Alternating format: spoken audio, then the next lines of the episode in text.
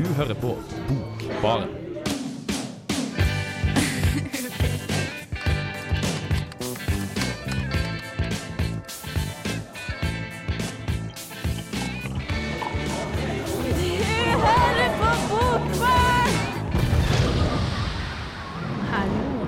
Bokbaren du hører på. Denne uken har vi en ganske spesiell sending. Vi skal snakke nesten utelukkende om eh, musikk. Så derfor skal vi begynne denne sendingen med litt ekte musikk fra en ekte forfatter, hvis vi skal tro et av medlemmene i Bokbarn rett. Så da skal du få høre Lars Vaular med 'Kjærligheten'.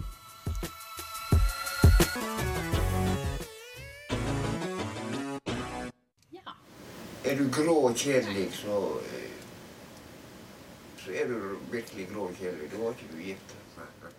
Så det går bra laga til. Da, det var meg. er du grå og kjedelig, så vet ikke jeg hva. Eh, du har i hvert fall fått høre Lars Vaular med 'Kjærligheten'. Vi skal forklare litt mer hvorfor vi har med Lars Vaular.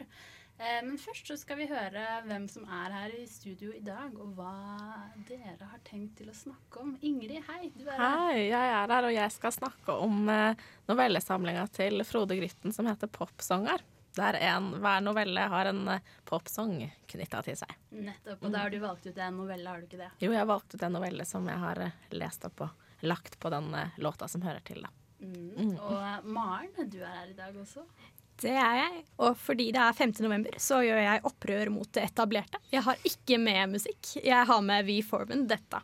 Det er så bra. Eh, vi har temasending, men noen må alltid bryte ut, og det er kjempefint tilfelle. Det er noen lyttere som virkelig hater musikk. Det kan være. Det kan være. Du respekterer det, Maren. Det gjør jeg. vi fornøyde med. Og så, sist, men ikke minst, Kristoffer. Nei, jeg er ganske høy og stor, så Det er ting som høres morsomt ut i hodet mitt, og så kommer det ut av munnen min. Jeg sa ikke minst, men eh, du er jo grunnen til at vi spiller Lars Vaular. Ja, jeg er ikke fullt så kjent som forfatter, men mer som rapper og bergenser. Jeg er Lars Vaular. Han eh, har utgitt tre dikt i en antologi til Kolon. Oi, oi. Og jeg skal lese opp, eller jeg har lest opp et av dem, som heter 'Talken'. Da hører vi på det. Hvor som helst var stedet der, hvem som helst ble født. Hvem som helst var et barn, hvem som helst sov søtt. Hvem som helst ble en mann, hvem som helst så rødt. Midt i marerittet, der sikre fare bytter ut drømmer med bønner om noe nytt. Du har ingen konsept om ondskapen som ga monsteret form. Monsteret som ga ondskapen form. Vice versa, der krisen hersker. De har aldri vært der jeg er. Du har aldri vært der jeg er. Derfor kan jeg kjenne meg igjen i deg. Derfor kan jeg ennå kjenne meg igjen i deg. Hvem som helst var en taper, hvem som helst var en tok. Hvem som helst fikk en datter, hvem som helst fikk en bror. Som ikke var hvem som helst, men hjertet var like stor. Hvem som helst elska gutter, når du hata sin egen mor. Hvem som helst kom til landet, lengta etter alle andre. Lengta etter alle sammen hadde glemt. Hvordan nordmenn pleide å leve gjemt. Det virka så for lenge siden at våre beste fedre var med i striden. Våre beste mødre, beste døtre, spisset ører etter lyden, reduserte kryss på listen. Vår makt og ære til det siste. Det fikk bære eller briste. Vi vernet landet med terrorisme. Hvem som helst ble tatt til fange. Hvem som helst ble soldat. Hvem som helst ble en sviker. Hva som helst skjedde overalt. I tåken ser du bare en skygge av svaret. Du hører på Radio Revolt, studentradioen i Trondheim. Ah, litt ekte bergensdiktning der, Kristoffer. Hva syns du egentlig da om disse musikkdiktene? Um, jeg vet ikke helt hva jeg syns. Det, det er fine dikt. De, han ville at de skulle være et utydelig. Jeg vet ikke om, helt, eh, om det er min sjanger. Utydelige dikt. For han er jo kjent for å skrive tekster fra før av, liksom, så Ja, det var sånn han Fordi han er med i en antologi, og alle i den antologien må bli invitert av en redaktør. Og redaktøren her var Karin Nygaard. OK. Så blant annet Ari Behn og Tore Renberg har vært i antologien som heter Gruppe. Eller før het den Nye linjer. Nå heter en Gruppe. Og den ble gitt ut på Kolon, var det sånn? Kolon i 2012. Ja. Altså, det var ikke sånn at det bare var musikere som var med i den antologien. Nei, uh, han ble veldig overraska, Lars Vaular, fordi han er jo ikke forfatter. Det var ikke meninga at det her skulle være et dikt eller noe i den duren. Det skulle være en sang, men han har funnet noe musikk, for han bruker musikk til tekstene sine før han lager sangen. Så det. Ja, så han hørte på musikk først, og så skrev han teksten? Mm, eller bruker det, men han hadde ikke funnet noe til den her, så han bare gjerne ta noen penger bare for å ha den i en antologi. Eh, Sånn jeg forsto det ut fra det intervjuet i vinduet. Er ikke som det, er ikke det hiphop-mentaliteten, da? Sånn cash og gold og Cash og gold. Cash, gold og lyrikk. Oh yeah. På kolon. Nei, det er bra. Jeg tror vi skal høre på din eh, aller mest fantastiske yndlingslåt, eh, Kristoffer, som du spesielt har ønsket deg i dag. Har jeg det? Det er selvfølgelig Lars Vaular med solbriller på. Du hører på Bokbaren. Fantomteikning. Lenge lå avisa i nattbordskuffa. Om kveldene hendte det at han tok opp teikninga og stirra på ransmannen. Han tenkte at fyren var nesten lik han sjøl. Likevel var han en helt annen. En plass hadde han en dobbeltgjenger. En fyr som var prikk lik han sjøl, men som levde et annet liv enn han. På jobben fikk han forstørra opp fantomteikninga. Han studerte ansiktet nærmere. Han så at øyebryna til raneren var mindre og ikke sto så tett som hans egne. Han tok til å nappe øyenbryna med pinsetten til kona. Kona merkte ingenting. Sjøl ikke da han endra frisyre, merka hun noe. Har du klippet deg? spurte hun ei veke seinere. Han tenkte at han kunne bli en annen person, og hun ville ikke merke det. Han tenkte at han var i ferd med å miste henne. Noen dager skulka han jobben og gikk ned til urmakeren i sentrum. Han sto utenfor butikken og lurte på hvordan han sjøl ville oppført seg om han var raner. Hva ville han sagt og gjort? Han retter på sladrespegelen. Han tror han kan se en bil bak seg. En bil som følger etter han. De er på sporet nå. Men det er ingen. Bare svarte natta. Han må ha sett lys fra et av husene langs veien. Det siste året har han fulgt med i avisene, men han har ikke registrert at politiet har skaffa nye spor i saka. Ingen er hekta for ranet. En kveld i vår nevnte kona for første gang at hun tenkte på å flytte fra han. De krangla. Det begynte med en bagatell, men enda med skriking. Du har forandra deg, sa hun, etter at jeg hadde skværa opp. Av og til så kjenner jeg deg ikke igjen. Første veka i ferien kjørte han gjennom ransruta slik hun var skildra i avisene. Han gjorde alt slik han innbilte seg ransmannen hadde gjort det. Han parkerte nede i byen, spaserte målretta ned gata, gikk inn i butikken og kjøpte ei klokkereim. Ute sprang han mot bilen i et mildt sommerregn. Så kjørte han gjennom byen så fort det let seg gjøre uten å bryte fartsgrensa. Han stansa ikke før han kom ut til skogholtet på den gamle postveien. Der hadde politiet funnet revolveren og klærne som var brukte under ranet. Oftere og oftere prøvde han ut ruta. Han gjorde det for å få alt til å gli bedre, for å perfeksjonere seg, for å vite hva hindringer som kunne oppstå. Han ville sette seg inn i dobbeltgjengeren sin tenkemåte. Han ville bli den andre. Hvor er du egentlig om kveldene? spurte kona. Han svarte ikke. Du sier du skal ut, og så er du borte i timevis, sa hun. Da har du ingenting med, svarte han. Det har du faen meg ingenting med. Dette orker jeg ikke lenger, sa hun. Fredag for ei veke siden stal han en Audi S6. Han valgte bilen fordi det sto i avisa at de proffe forbryterne liker Audi S6. Det er en bil som er både rask og anonym. Hver kveld siste veka har han kjørt ransruta i den stålne bilen. Hver kveld har han sete bak rattet. Hver kveld har han venta på å bli tatt. Gjorde det igjen, står det på framsida av avisa som ligger i hanskerommet. Ved sida av overskrifta har de trykt den gamle fantomtegninga på nytt. Nå må han andre fyren ha et godt alibi, tenker han. Nå må han komme opp med et helvetes godt alibi. Han fyren kommer garantert til å lese om dette i avisene, og lure på hva som har skjedd. Han veit ikke hvor han skal kjøre. Han har ingen plass å kjøre. Han holder bare fram. Han er på vei. Da hadde vi et lite stemningsskifte i Bokbaren. Vi hørte på Lars Vaular eh, med solbrillene sine på, og så fikk vi Ingrid sin opplesning eh, fra Frode Gryttens popsanger. Som også regner med at det har noe med musikk å gjøre. Ja, i Popsanger det er en novellesamling som eh, består av 24 noveller, som eh, forteller om døgnets 24 timer på 24 steder, og det er 24 låter som er knytta til eh, disse, disse novellene. Eh, og den novella som dere hørte nå, het 'Fantomtegning', og der var det en, eh, en eh, hva heter, Bruce Springsteen-låt som var knytta til eh, den, da, som het 'Stolen Car'. Så um, der fikk man litt sånn stemningen eh, rundt eh, novella. Mm. Er det forskjellige artister i hver novelle, Ingrid? Ja, eh, det er det. Det er forskjellige artister som er knytta til de ulike, ulike. Men noen ganger så er det veldig klart Altså, jeg må innrømme at det er faktisk ikke alle novellene jeg er 100% sikker på hvilken låt som eh, knytter seg til. fordi at i mange av dem så er det et lite utdrag fra låta, f.eks. ved at personene i novella hører på en høre på en musikk eller nynner på en sang eller et eller annet sånt ting. Men, eh, og da kan man skjønne hvilken det er, og andre ganger så er det kanskje handlingen som er knyttet til eh, en av eh, en låt, og da er det ikke alltid man tar de referansene, da. Og det kan jo være på en måte litt frustrerende, fordi man føler at det kanskje er en god del, at det bidrar til å virkelig forstå novella. Men samtidig, så hvis jeg ikke hadde visst det på forhånd at det skulle knyttes en låt til hver novelle, så syns jeg mange av de står seg godt alene, da. Det er ikke nødvendig altså, over, Noen ganger så Det bidrar jo selvfølgelig til å skape en stemning rundt dem hvis, hvis man ikke føler at det er lett å fange stemninga, men noen ganger så trenger man ikke det heller, føler jeg. Men har du hørt på musikken når du har lest eh, novellene? Sånn, samtidig, ja. som soundtrack? Eh, både og, da, fordi noen ganger så skjønner jeg ikke før litt etter hvert hvilken uh, låt det er snakk om, men siden det er noveller, så er det jo fint å på en måte ta en liten pause imellom dem, siden det ikke uh, Så da er det fint noen ganger å først lese novella, og så lytte til uh, den låta som hører til, å få liksom en litt sånn dobbel opplevelse. Tenke over om det er noe du ikke har kommet på bare ved å lese den. Mm. Så fint.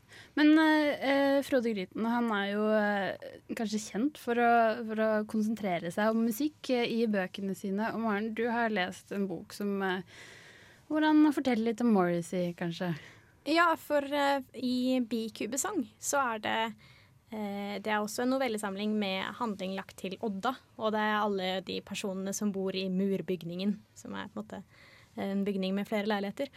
Og den historien som går igjen, er en karakter man møter i første og siste novelle, som er manisk opptatt av The Smiths. Og det er det eneste han tenker på, det er det eneste han bryr seg om. Og eh, det er så mange referanser til eh, Morrissey-tekster, og det er på en måte Det er sånn at dersom du liker The Smiths fra før, og det gjorde heldigvis jeg, så er det veldig fint. Jeg ser for meg at det kan være litt irriterende hvis man syns at Morrissey er sipte, men Det er sikkert ingen som gjør det. Aldri. Nei, men i og med at uh, Morrissey har ganske lyriske tekster fra før, så vil det jo nødvendigvis bidra med noe nytt i en tekst også. Ja. Og det er veldig Det gir en helt ny motivasjon til en karakter, på en måte, når, er, eh, når den er opptatt av noe som er såpass far-fetch at den lever for en musikkartist, på en måte. Men er ikke det interessant? Jeg bare kom på det du snakket om det. Eh, de som er litt yngre enn oss i dag, har jo rett og slett ikke vokst opp med The Smiths som musikk, men vokst opp med The Smiths og Morrissey eh, som musikk i romantiske kjærlighetskomedier hvor den litt uh, quirky, nerdete jenta liker uh, Smith eller Morrissey. Uh, og det, jeg får litt sånn bismak. Ja, det. det. er jo nå blitt en slags klisjé. Det er jo på en måte en slags... Og nå har jeg jammen kjærlighetssorg, så nå går jeg hjem og hører på Morrissey, liksom. Ja. Og det er jo synd at jeg har mistet, for det er jo, det er jo så mye mer enn det.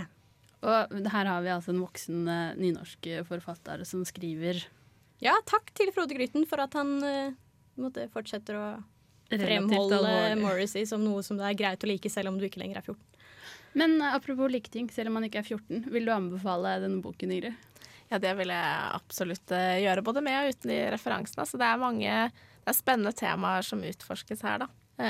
virkelig, ja, som i mange andre ting, finne seg sjæl, eller hvem er du? Men, men er, han gjør det på en fin måte, og de låtene er med å, å gi en eh, bedre forståelse. Det syns jeg. Det funker, altså. Veldig bra. Eh, jeg tror vi skal fortsette litt, og vi skal høre på noe veldig fint. Og det er Kate Bush med 'Wuthering Heights'.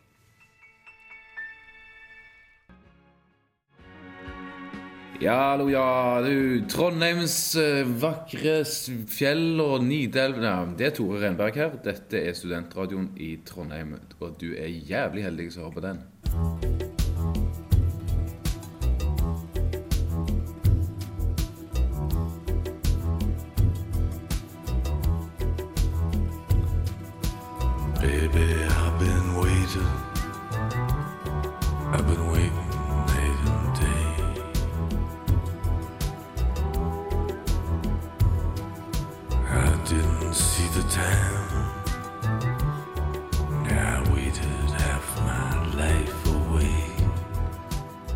Very serious writer and a very serious musician. And the interesting thing is, to him, they're both the same. There's no difference between music and word. But you don't really care for music. do Kjære. Jeg ble født med dress. Sånn begynner biografien til forfatter Sylvi Simmons. Den dresskledde herremannen er Leonard Cohen, poet, musiker, jøde, buddhist og elsker, melankoliker og trubadur. Biografien heter Am Your Man og er nylig oversatt til norsk av Håvard Rem. Boka tar for seg både Leonard Cohens personlige liv fra barndommen i 599 Belmont Avenue i Montreal, og hans første bokutgivelse, The Favourite Game. Vi får høre om da han skulle lære å spille gitar, og fikk, med kroppsspråk og dårlig fransk, en spansk gatesanger til å komme hjem til seg for å øve med han. Lennart rakk å lære seg seks akkorder før gatesangeren slutta å dukke opp. Da Lennart ringte hotellet hans, så fikk han høre at gitaristen var død, at han hadde begått selvmord. Jeg visste ingenting om han, hadde Lennart sagt, men han mente at det var de her seks akkordene som ble grunnlaget for all musikken han seinere kom til å lage. En kritiker skrev en gang at Leonard Cohens musikk burde ha blitt solgt sammen med barberblad, og skal man skrive om Cohen, så kommer man ikke unna tungsinn og depresjon.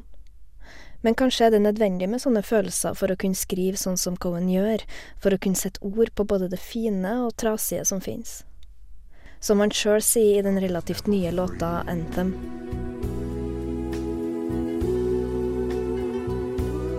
Ring a bell that's still Forget your perfect offering.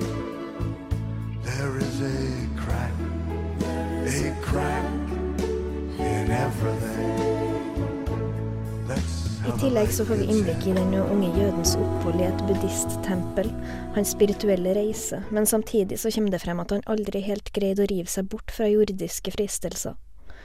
I musikken så lengter han etter den kvinna som kan få han til å kaste fra seg all åndelig lærdom. Kanskje var det Marianne, hans norske kjæreste som han møtte på den greske øya Hydra, og som fikk en sang skrevet om seg.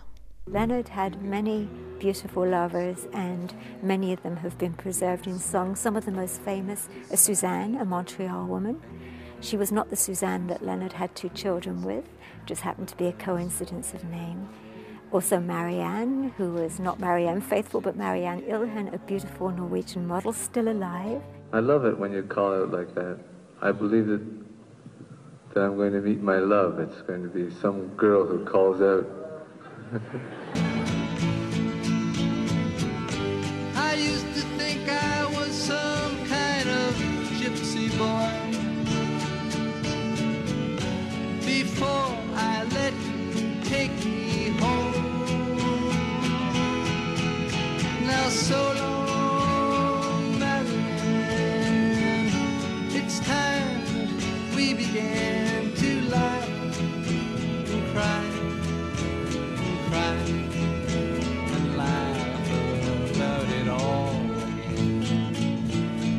tillegg får vi grundig innblikk i verkene hans, med sangtekster og inspirasjonskilder.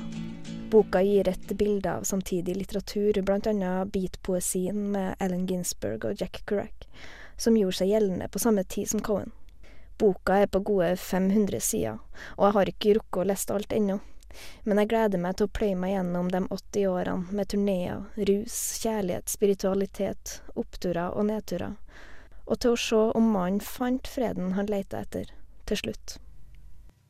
Da har vi hørt uh, Wuthering Heights med um, Kate Bush, Uh, og så har vi fått høre Eline, som uh, nå omsider har kommet inn i studio. Jeg glemte å si at de skulle komme i stad, men her er du, Eline Ja. Bjerkan. Her er jeg. Eh, jeg har tatt med Leonard Cohen i dag. Fordi vi, vi har vel musikk og litteratur, har vi ikke det? Eller ja. dere, dere, dere har kanskje vært Klart, vi har det.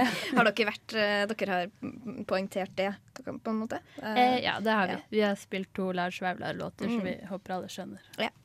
Eh, så, så tenkte jeg hva, hva det kunne passe å ha med her, da. Og så måtte det jo bli Leonard Cohen. Eh, fordi det er jo min, eh, min store barndomshelt, kanskje. Eh, jeg hørte på den i biler da vi, var små, eh, da vi var små, jeg og mine søsken. Og så eh, har jeg bare fortsatt. Og, eh, så det falt seg litt naturlig, egentlig. Og så har det kommet ut en ny biografi nå, da. eh, som er biografien er litt eldre, men den er nylig oversatt til norsk. ei som heter Sylvi Simons, som har skrevet den, og så er det Håvard Rem da, som, eh, som har oversatt den. Og den eh, er jo ganske tjukk og fin, da. Den er på 500 sider. Ja. så jeg har jo jeg har lest litt. Ikke alt. Men eh, den ser veldig lovende ut, og så har den fått eh, veldig fine tilbakemeldinger fra mange aviser i dette ganske land. Mm. Um, så har den en liten bit midt i, inni seg med, med sånne private bilder, sånn som er morsomt å se. Uh, For det er en biografi som er autorisert av Leonard Cohen? Eller ja, det ja eh, det er det. Det er det. Og så er det hun, hun forfatteren da, har stått uh, ganske nær han, så hun har fått innblikk i, i mye. Men Elin, da, Mm. som fan. Mm. Er det, det er kanskje sånn du er der i dag, som Leonard Cohen-fan. Ja. Eh, Syns du det er nyttig å få, få vite mye om eh, livet til Leonard Cohen, og hvilke damer han hadde, og hvor Ja, han bodde? Og, Det er masse sånn der øh, øh, det, er jo, det er jo veldig masse, sant? Jeg kommer sikkert til å bli lei av Leonard Cohen øh, etter å ha lest gjennom det her. Men uh, han er en veldig interessant mann, da, for det er jo tar, det er så mye som har skjedd i livet hans som ikke bare handler om han som person, men som alle kan ha et forhold til. Som er det å finne seg sjøl og sin plass her i livet. Uh, han har prøvd ut mye sånn forskjellig religiøse bevegelser. Han bodde jo i kloster, i et buddhistkloster en periode. Og så lærer man jo også kanskje noen ting som, eh, som kan være litt uh, vanskelig, eller uh, som man kan bli litt overraska over da, hvis man uh, har romantisert denne mannen tidligere. Blant annet det at han, hadde, han, han var i scientologikirka i et år. Det, det var interessant. Altså, og alle de her åpne forholdene da, med, med de damene. Som han alle gikk Han gikk jo fra alle sammen.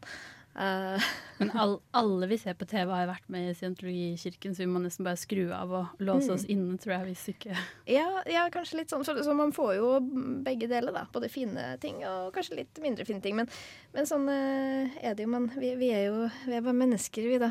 Vi, er meg og deg og og Lennart Cohen. Men tror du du kan høre på musikken hans på en uh, ny måte, med nye innfallsvinkler, etter å ha lest ferdig boken? Helt sikkert. Og så lærer man jo masse også som eh, ikke bare musikk, men, eh, men om eh, historien og, og den tida han levde på, og ikke minst litteraturen. Sånn som jeg var inne på i saken, så snakker det jo om det blir jo nevnt hans, hans Leonard Cohens store helt, er jo den spanske dikteren Lorca. Jeg husker ikke helt hva han heter etter navn. Giovanni eller noe sånt. Uh, og det får vi innblikk i, og så får vi innblikk i forskjellige beatpoeter, og, og liksom For han har jo skrevet eller han er jo forfatter også, denne Leonard, Ja. på en måte. Opprinnelig forfatter. Opprinnelig forfatter. Ja, det er derfor det passer Det så fint i dag. nå, ja. ja, for musikk og litteratur. Ja. Ja. Det begge deler sammen. Du har jo anmeldt en bok av han før, vet jeg. Ja, har, har, du har ikke tatt med det? Nei, jeg har ikke tatt med Det bra. skal slippe det. Ja, for det var, da, da var, jeg hadde vært med i Bokbaren i to uker eller noe sånt, tror jeg. Så. Men du kunne jo hatt noen gode meninger om det for det, selv om du Ja ikke var en gammel traver i dette programmet. Mm, kanskje.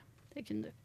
Jeg har også sneket med meg noe, hvis du er ferdig med å fortelle om Leonard og den fine boken, Eline. Uh, ja, ja, jeg kan si at jeg var på konsert med den en gang. For et, halv, et og et halvt år siden i Halden. Så Ja. veldig fint. Så bra. Det skjønner jeg.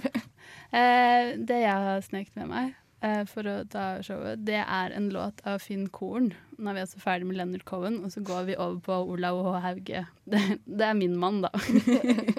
og Finn Korn han har eh, satt musikk til mange av Olav H. Hauge sine tekster.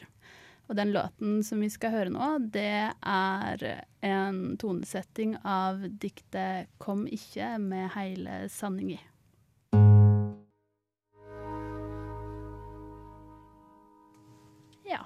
det var eh, Finn Korn. Eh, Han er kanskje ikke kjent for eh, spesielt høyt tempo, men det kan være fint for det.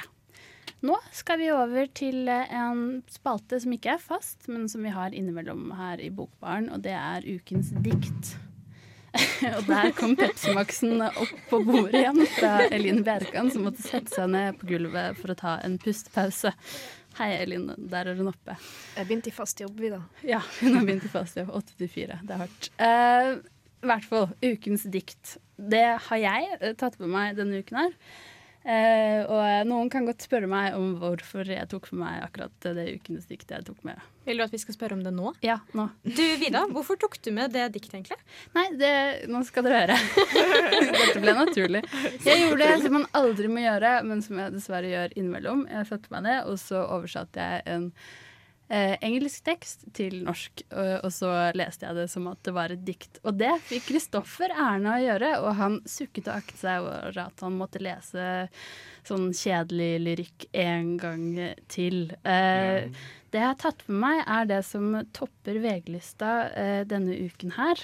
Eh, og det er da Avicii med 'Wake Me Up'. Eh, en kvisete svensk gutt på ca. tolv år, som eh, er eh, en av de mest spilte artistene i hele verden. Av en eller annen grunn. Og i dag da jeg måtte sitte med teksten hans, så, så tror jeg ikke det er tekstforfatterne hans som er grunnen til at han er den mest spilte, men jeg tror vi skal høre litt på ukas dikt, i hvert fall.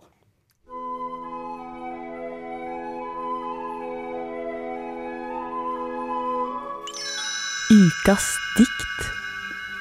Hei, bror. Det her er en endeløs vei som venter på å bli oppdaga. Hei, søster. Vet du at vannet er søtt, men blodet tykkere? Og hvis himmelen faller ned for deg, det er ingenting i verden her jeg ikke ville ha gjort. Hei, bror. Tror du fortsatt på en en annen? Hei, søster. Tror du fortsatt på kjærlighet? Lurer jeg på. Og hvis himmelen faller ned for deg, det er ingenting i denne verden her jeg ikke ville ha gjort. Så hva hvis jeg er langt hjemmefra, og bror kommer til å høre deg rope, og søster skal hjelpe deg hjem, og hvis himmelen faller ned for deg, det er ingenting i denne verden her jeg ikke ville ha gjort. Hei, bror. Det her er en endeløs vei som venter på å bli oppdaga. Hei, søster. Vet at vannet er søtt, men blodet er tykkere? Og hvis himmelen faller ned for deg, ingenting i verden her jeg ikke ville ha gjort. Hei, bror. Tror du fortsatt på en en annen? Hei, søster. Tror du fortsatt på kjærlighet? Lurer jeg på. Og hvis himmelen faller ned for deg, ingenting i verden her jeg ikke ville ha gjort. Så hva hvis jeg er langt hjemmefra, og bror kommer til å høre deg rope, og søster skal hjelpe deg hjem? Og hvis himmelen faller ned for deg, ingenting i verden her jeg ikke ville ha gjort.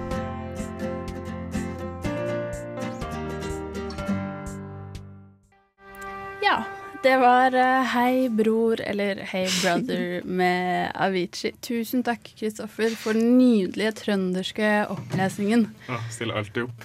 Det er bra. det. Mm. Det er vi veldig glad for. Eh, nå skal vi eh, høre om V for Vendetta, som uh, Maren har tatt med seg. Ja. Opprør på en litt annen måte enn vi har hørt før i denne sendingen her. Ja, anarki i bokbaren. Hurra. Ja, endelig. Eh, ja, det er 5. november i dag, og ja. jeg kan egentlig ikke huske sist 5. november der jeg ikke enten leste V for Vendetta-tegneserien eller så V for Vendetta-filmen. Det er en utrolig bra film og en utrolig bra tegneserie, og jeg håper at alle benytter anledningen til å låne V for Vendetta på biblioteket i Trondheim i det øyeblikket jeg har levert den tilbake igjen. Og nå skal vi gi V for Vendetta til alle lytterne våre. Remember, remember the 5th of November, the gunpowder, treason, and plot. I know of no reason why the gunpowder treason should ever be forgot. 5. november 1605 forsøkte Guy Fawkes, sammen med tolv andre menn, å sprenge House of Parliament. De var katolikker, og den politiske situasjonen i England etterlot lite toleranse for folk med feil religiøse overbevisning. Planen var derfor å ta livet av kongen, i håp om at en ny monark ville stanse forfølgelsene og urettferdighetene. Attentatet lyktes ikke. Guy Fawkes ble hengt og lemlestet, og til den dag i dag feires Bonfire Night i England. Av noen fordi han mislyktes, av andre fordi han forsøkte. Det er dette som er bakteppet for Vi for Vendetta, en tegneserieroman av Alan Moore og David Lloyd. Tegneserien har også blitt filmatisert, med bl.a. Natalie Portman, Hugo Weaving og Stephen Fry på rollelisten. De fleste har allerede sett den fantastiske filmen. Nå vil jeg oppfordre alle til å lese tegneserien, for den er kanskje den mest inspirerende tegneserien og boken som noensinne er skrevet. Året er 1997. Det finnes ikke lenger noe Afrika. Det finnes ikke noe Europa. England har på mirakuløst vis overlevd Russland og Amerikas atomkrig, og blir nå styrt av fascister. Myndighetene ser alt, hører alt, vet alt. Romerne oppfant fascismen. En krans av flettede kvister var det symbol. En kvist kunne knekkes, en hel krans ville bestå. Fascisme, styrke i likhet. Jeg tror på styrke. Jeg tror på likhet. Og hvis den styrken, den enhet, får ensartethet i tanke, ord og gjerning, så blir det slik. En ung jente ved navn Evie Hammond er i ferd med å bli voldtatt og drept av myndighetenes hemmelige politi idet en mann med Guy Fawkes-maske trer ut av skyggene og redder henne. Han kaller seg Vi, og på denne kvelden, den 5. november, sprenger han parlamentet og ødelegger derved det eldste symbolet i England på autoritet. Vi for Vendetta handler om viktigheten av symboler og ideer. Den handler om ordets makt. Ordets, kunstens og litteraturens makt. Og om hvorfor friheten til å tenke annerledes ikke bare er verdt å kjempe for, men en plikt å kjempe for. Ved hjelp av glimrende tegninger, perfekt timing og intelligent bruk av kulturelle så vel som politiske referanser, har Alan Moore og David Lloyd lyktes i å lage en spennende, grusom og viktig bok, som dessverre er like aktuell i dag som den var da den ble skrevet på 80-tallet. Jeg heter Anne B. Ragde og er forfatter. Og når man er forfatter, så hører man selvsagt på Bokbarn så ofte man har anledning. Vi eh, fant ut det at vi har utrolig mange sexy stemmer med i denne utgaven av eh, Bokbarn. Anne B. Ragde, takk for ditt eh, innspill. Og Maren, V for Vendetta. Du kommer jo med ganske bastante påstander i denne omtalen av uh, Vendetta. Ja, ja. jeg ble litt revet med. Du ble det. Du Ja. sier det at eh, det kanskje er en av de mest inspirerende bøkene som er skrevet. Ja. Uh, man blir umiddelbart veldig inspirert til å gjøre noe. Altså, du har lyst til å gjøre noe med samfunnet, du har lyst til å lage viktig kunst, du har lyst til å lage noe eller gjøre noe eller lage en demonstrasjon eller hva som helst. Og jeg ble jo sittende der og lese om konsentrasjonsleirer og George Orwell og Edward Snowden og alt som er galt med verden generelt. Ikke at George Orwell er galt med verden, men skjønner hva jeg vil hen. Altså, det Det han skriver om i bøkene sine, kanskje. Ja. det, er, det er virkelig en bok som får deg til å ville liksom, hoppe opp av stolen og gjøre en forskjell. Da. Og det føler jeg at det er ikke så mange bøker som gjør, som jeg har lest i hvert fall. Fordi det er veldig sånn Når den er ferdig, så lander den igjen litt mykt, og så er det liksom tid for ettertanke. Men ikke faen. Ikke vi for Vendetta. Det, nei, du skal ut og gjøre noe. og det, det er så kult. Man får så utrolig mye energi av å lese den. For det, men den har jo påvirket ganske mange til å Unnskyld, diksjonen. Den har påvirket ganske mange til å gå ut og faktisk gjøre noe, er den ikke det? Ja, nå særlig f.eks. gruppen Anonymous bruker jo nå Guy Fawkes maske som eh, det de har på seg når de demonstrerer bl.a. mot datalagringsdirektivet osv. Som selvfølgelig er fint at de gjør, men man kan jo diskutere hvor enig man skal være med Anony- Anonymous generelt. Men eh, det er i hvert fall helt tydelig at den har inspirert til mye, og til mye handling. Men den masken som man har på seg, Ja. blir den nøye beskrevet i boken? Er det Altså, I og med at det er en tegneseriebok, så trengs det jo ikke så mye beskriving. Det, det er det samme bildet som går igjen på hver Så det er samme som de Anonymous har på seg? Det er Guy Fawkes-masken, ja. Det, uh, så det er en plastikkmaske med et uh, litt sånn ubehagelig glis og en uh, litt underlig bart. Ja, for det er liksom ubehagelige ting å se på, syns jeg. Altså, Ja, jeg syns det er skummelt, rett og slett. Men Guy Fawkes gir jo litt ekle assosiasjoner i seg selv. Han var jo opprinnelig en terrorist, eller i hvert fall er det det han blir kalt etter våre tiders betegnelser. Eh, Så det er klart at man syns jo at det er ubehagelig å måtte tenke på, og særlig det å måtte spørre seg selv om vold noensinne er en akseptabel løsning på et stort problem. Og det slår, slås det jo virkelig et slag for i dette, at det er det. At noen ganger så er revolusjon den eneste muligheten. Og det vi som har vokst opp i trygge Norge, er jo ikke egentlig helt klare for å se for oss det. Nei, jeg vil jo med en gang tenke at det er en slags overført betydning. Ja, nettopp. Men det er jo også grunnen til at han velger å først sprenge bygningene eh, som det ikke er mennesker i. Det er det at bygningene står der som symboler. Og ved å rive ned symboler, så gjør du en symbolsk handling som får folk til å tenke. Og det viktigste er ikke å drepe motstanderen din, det viktigste er å få folk til å tenke og få folk til å engasjere seg. Det har han jo klart. Åpenbart. Ja, Med boken og som eh, romankarakter eller tegneserie-romankarakter og alt det der. Ja, og filmen har jo også eh, Det er, det er en helt glimrende adopsjon som man burde se, for den er også De har jo i tillegg fordelen med å bruke musikk som f.eks. Beethovens femte, og det er veldig vanskelig å ikke bli engasjert av det. Ikke sant? Jeg håper alle som hørte på, lot seg engasjere av dette. Nå skal vi høre på en som har engasjert ganske mange før. En som eh, er folkefavoritt til å vinne Nobelprisen i eh, litteratur. Han heter Bob Dylan, og sangen han eh, skal spille for dere i dag, er 'Subterranean Homesick Blues'.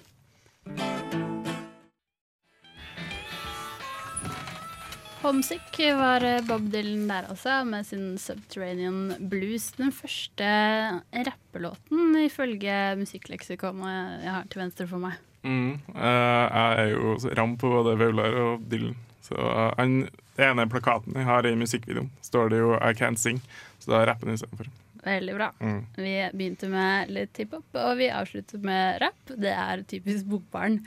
Eh, nå har vi kommet til slutten av denne sendingen, og det er på tide å oppsummere litt eh, hva vi har snakket om i dag. Ingrid, du hadde med deg popsanger. Ja, det hadde jeg av Frode Grytten, og det, det var en veldig fin novellesamling, og som både er fin med, med musikken som hører til, men også, men ikke nødvendigvis alltid helt nødvendig. Man kan få noe ut av novellene uten å ta alle referansene. Mm. Og Kristoffer, du hadde med deg Lars Vaular. Min kompis fra Bergen som uh, dikta om flyktninger. Og en sammenligning med Norge og nazismen på en bisarr og vag måte. Ja. Ja. Men uh, man burde kanskje lese det. Man bør kanskje lese det, eller høre på det en, i, på Spotify en plass. Ja, OK. Og Eline Bjerkan, du hadde også med deg noe musikkrelatert. Ja, Leonard Cohen. Eh, og så hadde jeg med Jeg laga jo en liten sak der som jeg trodde kom til å være liten, og som ble ganske mye lenger enn jeg hadde tenkt. Og så kunne jeg jo ha gjort den tre ganger lenger hvis jeg hadde fått med alt jeg ville. Det er jo et godt utgangspunkt, da. Ja, veldig fint. Altså. Uh, anbefales virkelig for eh, dem som ikke har hørt så mye eller lest så mye. Det er jo det som er med musikksending, har vi funnet ut at det kunne vi egentlig hatt hver gang. For det er så mye i litteraturen som er inspirert av musikk, og andre veien også. Så det kan hende at eh, vi blir nødt til å kjøre i gang en musikksending igjen ganske snart, fordi det er litt eh, gøy. Men det er jo 5. november i dag, og Maren, du hadde jo med deg selvfølgelig. Vi får vendetta. Ja. Yes. Og du anbefaler den fortsatt, regner jeg med? Selv om det bare har gått tre Ja, minutter siden den har ikke sluttet å være en veldig viktig politisk roman på et halvt minutt, nei. Hva kan man gjøre for å vise at man uh, har lest Vi for Vendetta på 15. november? Eh, altså, veldig mange feirer jo faktisk med bålfest eller fyrverkeri, men det er ikke like vanlig i Norge. I Norge så pleier vi jo på en måte nøye oss med å se på filmen og ha kleine Facebook-statuser. Da må dere gjøre det, kjære lyttere. I studio i dag så har jeg vært programleder. Jeg heter Vida Brenna. Ingrid Kveim Skarholt har vært der. Maren Skolem har vært der. Kristoffer Ervik har vært der. Og Eline Bjerkan har vært der. Og så har vi hatt en fantastisk tekniker med oss i dag. Det har vært eh, Hildegunn Kristiansen.